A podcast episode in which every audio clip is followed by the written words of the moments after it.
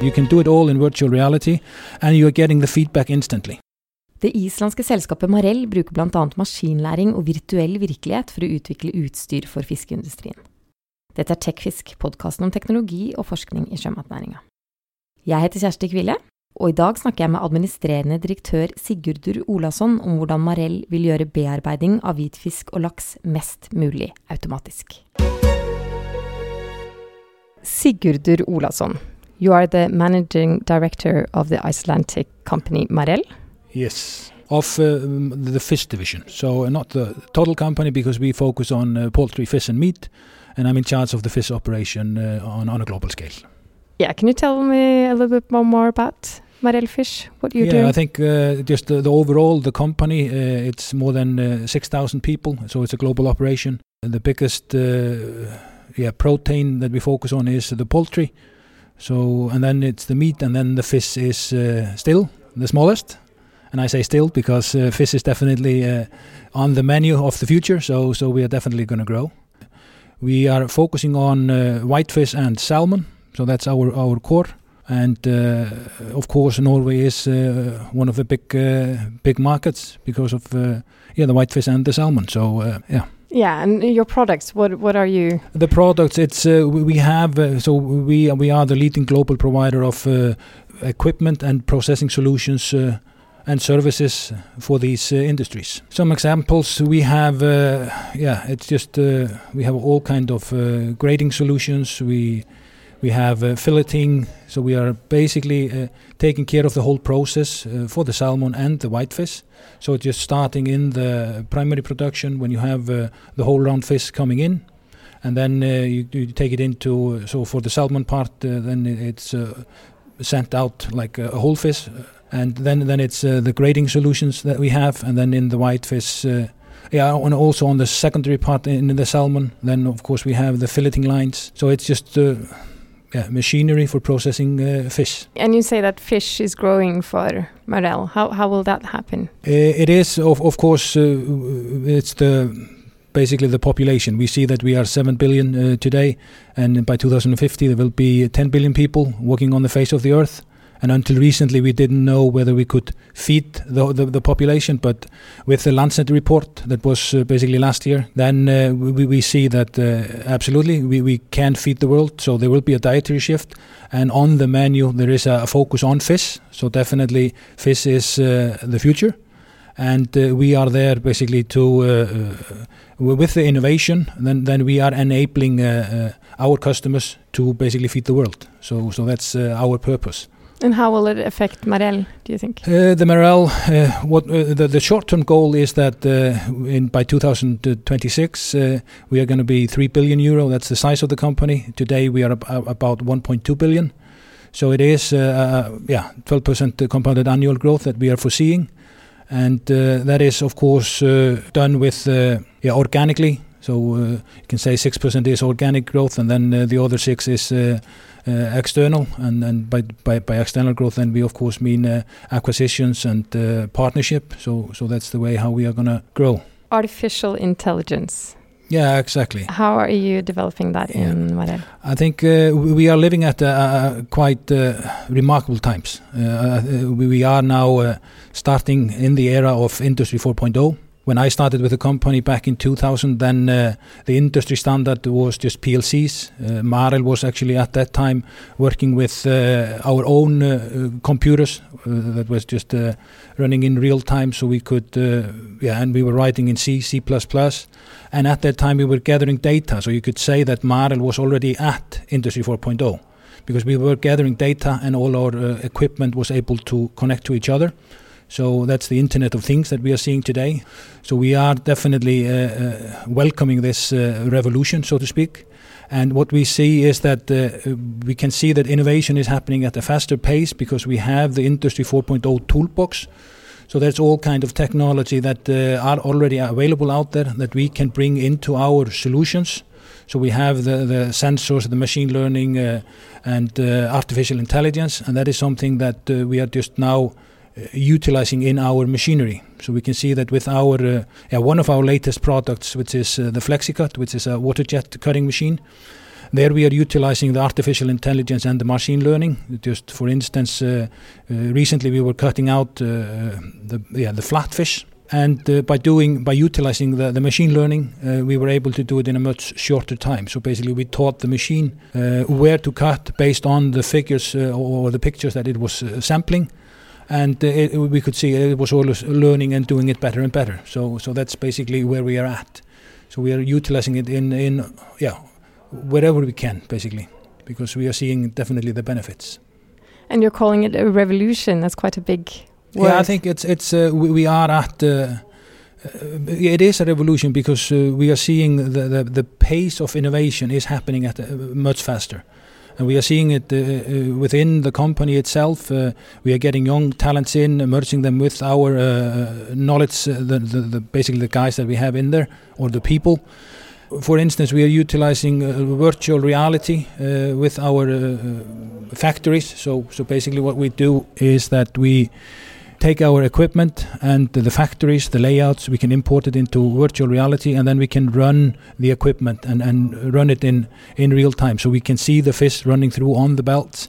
So you can monitor and debug the, the systems. And then uh, when you are uh, doing like a new innovation, then in, in the yeah, just few years back, then you needed to start just on, on a white sheet of paper, just blank. And then you needed to sketch it up and then uh, just select uh, one of the options you had, build the prototype, and then uh, do the testing on the prototype, and then you got the feedback. But what what we are doing now is that you can do it all in virtual reality, and you are getting the feedback instantly. So it it shortened the, the whole process.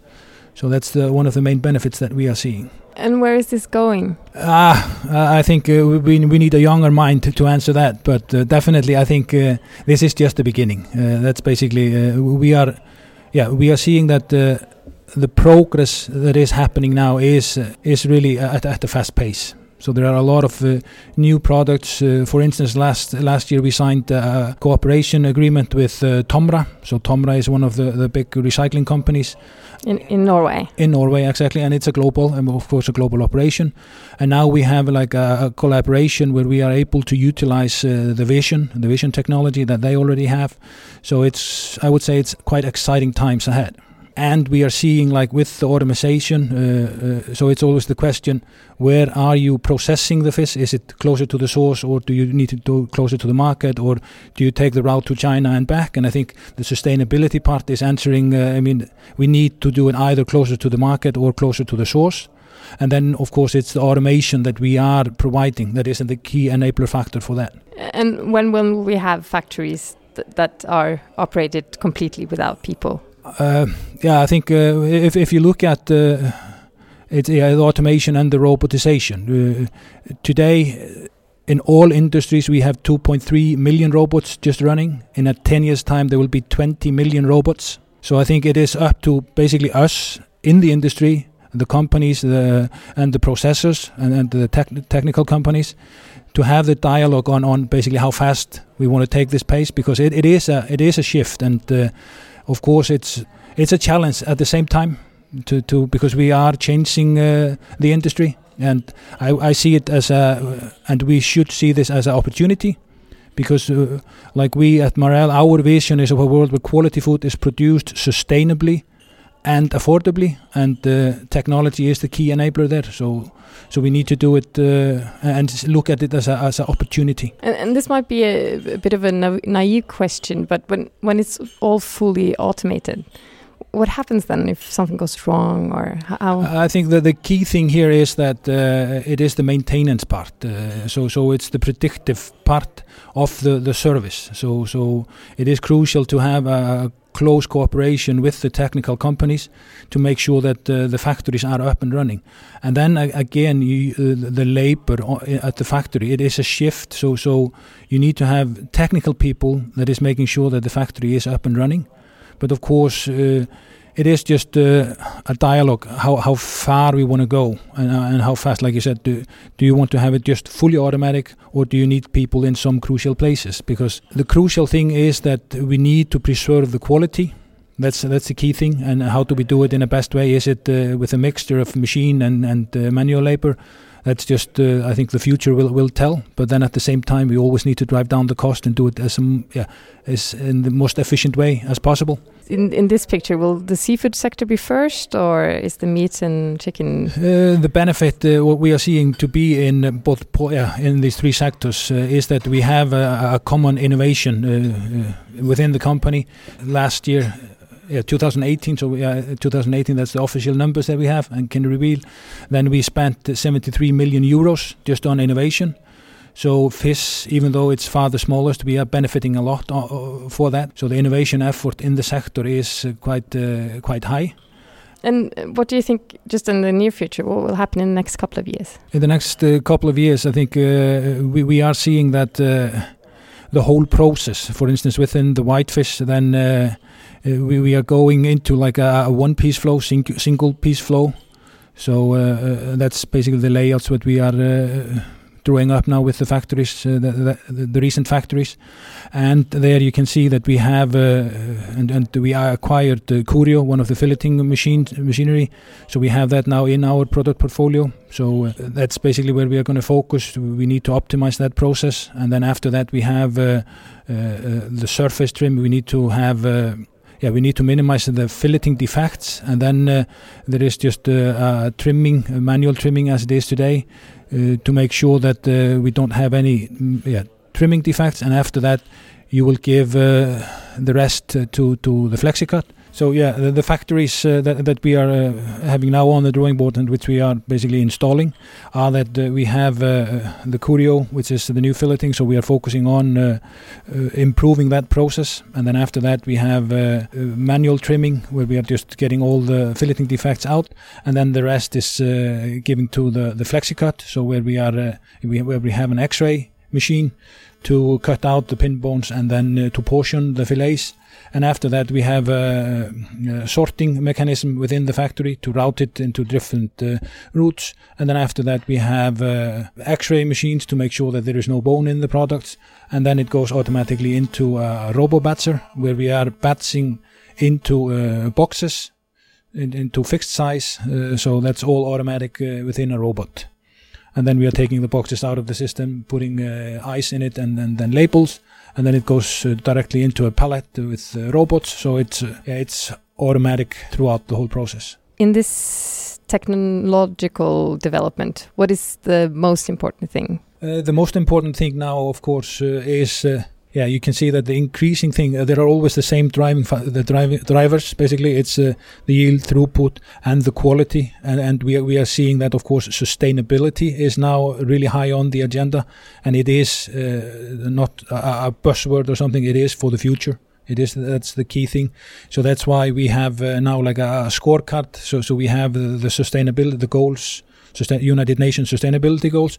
So all our products uh, go through like a, a, review. So we are making sure that we are utilizing, not utilizing like scarce resources, and then minimizing the energy and uh, just water consumption and uh, electricity. But we are seeing as well that uh, the robots are now entering into the food sector, and uh, that's basically where we are focusing at uh, because we are seeing now that the capabilities in the equipment, the vision technology that is there, and then with the artificial intelligence, then we can utilize the robots uh, in the raw material, which is much more agile than uh, basically the products that the robots have been able to handle before. So we are taking that technology into the food sector. How will Marel make sure that you don't fall behind? That's always uh, the crucial thing. There is that uh, you are aligned with uh, the industry because we are at the forefront of the, of the industry. So what I always say is that the best way to predict the future is to create it. And uh, you can say that now with Industry 4.0 is that uh, there is a, a, a, turn in the market, and you might think that you have everything under control and uh, the road is uh, just straight ahead, but it is a turn. And if we are not aligned with our customers, then definitely we will fall behind and we will not be part of uh, the future. So we will just be part of history. So that's the crucial thing: is the con constant uh, dialogue with our customers, and then of course we need together understand the market and the demand from the market. So that's the the crucial uh, chain. It is a, a, big step that we are seeing. It's just the technology. You can, uh, yeah, 90% of all data in the world were created in the last two years. So I think there is a, a big challenge for us to utilize that data in in in our uh, benefit, and that's why Marel is investing heavily in in digital. We, for instance, uh, opened up a, a office in in Seattle because it's close to Microsoft and Amazon, and uh, there's a lot of uh, great talents there. So we are uh, getting that people in, and they are working on Innova, the future generation. So we want to automate automate the, the, the whole process. So it's quite exciting times ahead. Well, thank you so much. Thank you. Du har nå hørt på Tekfisk, podkasten om teknologi og forskning i sjømatnæringa. Det er fremdeles noen plasser igjen på podkastarrangementet vårt på Ole Bull scene i Bergen 18.2. Temaet er laksen som lever i lukkede anlegg, både på land og i sjøen. Påmeldingen finner du ved å gå inn på fanen arrangement på tekfisk.no.